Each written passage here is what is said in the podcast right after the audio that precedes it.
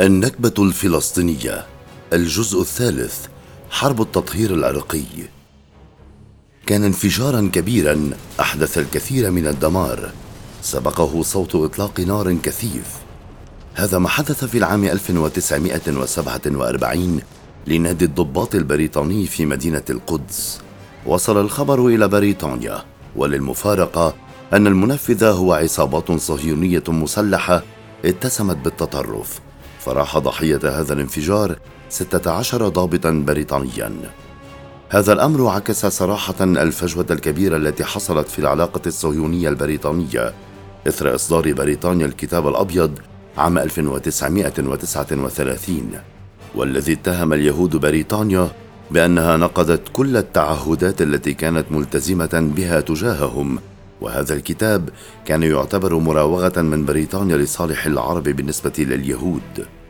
سبق هذا الانفجار بثلاثة أعوام أي في العام 1944 مؤتمر اليهود العالمي في أتلانتا الأمريكية.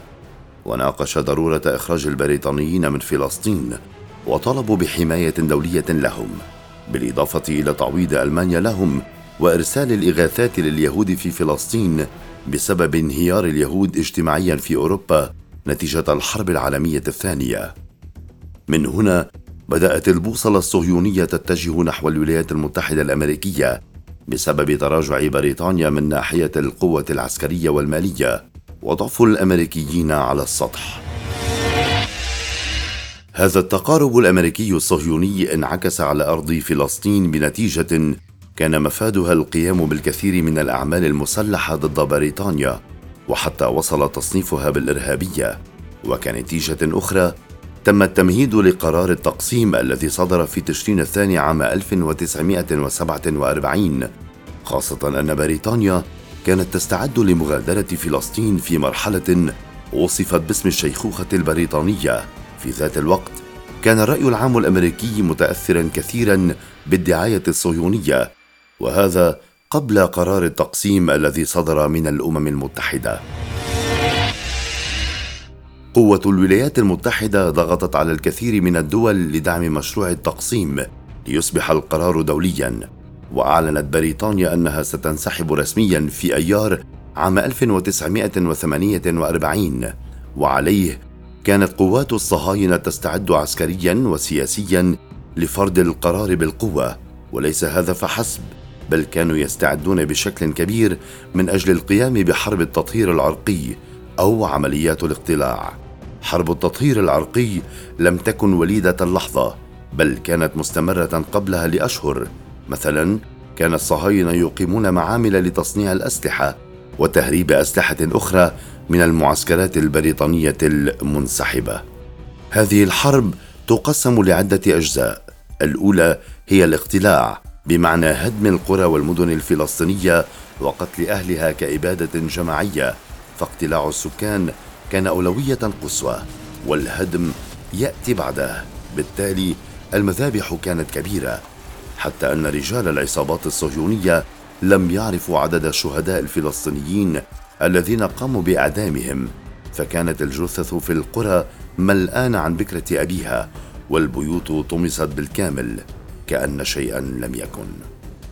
وبعد هذا تأتي المرحلة الثانية وهي حرب إعلان إسرائيل. هنا كانت إسرائيل في مواجهة مفتوحة مع العرب ككل فانطلقت الثورة العربية الكبرى بهدف التحرير لكن هذه الثورة لم تأتي أكلها بسبب الكثير من السياسات والمعضلات التي واجهها العرب. عليه بدأت إسرائيل في المرحلة الثانية وهي مرحلة الإحلال وهذه المرحلة تعني أن الصهاينة عندما كانوا يهاجرون قرية ما كانوا يستجلبون يهودا للسكن فيها أو إن كانت قد دمرت كانوا يبنون فيها مستعمرات جديدة لهم وهذه العملية لم تأتي دفعة واحدة بل بقيت مستمرة لسنوات فكان الصهاينة يطردون أهل المكان ويحلون محلهم. وهنا يمكن السؤال عن عدد عناصر العصابات الصهيونية التي قامت بهذا الأمر الذي ذكرناه. فمثلا عصابة الهجانة وصل عدد عناصرها إلى أكثر من ستين ألف وهي بالمناسبة نواة جيش الدفاع الإسرائيلي الذي نعرفه اليوم عصابة الأتسل أو الأرجون وكان قائدها مناحيم بيجن والذي أصبح رئيسا للحكومة الإسرائيلية وصل عددها إلى أربعة ألاف وعدد آخر من العصابات التي لا مصادر عن عدد عناصرها. هذه العصابات كان لديها الفكر الصهيوني الخالص وهو ذات الفكر الذي أورثته لأحفادها اليوم وهو أن إسرائيل يجب أن تمتد من سيناء وشرقي الأردن وصولا للفرات مع جنوب لبنان وهي ستطبق هذا الأمر مهما كلفها. على الأرض وفي صباح التاسع من نيسان عام 1948 قامت العصابات الصهيونية وخاصة عصابة الأرجون بالهجوم على قرية دير ياسين وقتلت حتى الظهر أكثر من مئة فلسطيني. وكان الهدف منها إثارة الرعب في نفوس الفلسطينيين الذين ما إن سمعوا بالخبر حتى قرروا النزوح عن قراهم. فقال ديفيد بنغورين في كل هجوم يجب إحداث ضربة قاصمة تؤدي إلى هدم البيوت وطرد السكان.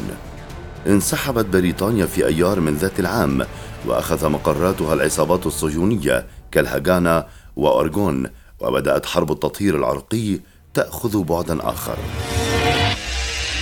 كانوا يأخذون الشباب إلى وسط القرية أو المدينة ويقتلونهم على مرأى ومسمع الجميع بهدف إثارة الفزع. فهجروا أكثر من خمسة ألاف شخص من طبرية ومثلهم من حيفا ويافا التي كانت آخر المدن التي سقطت.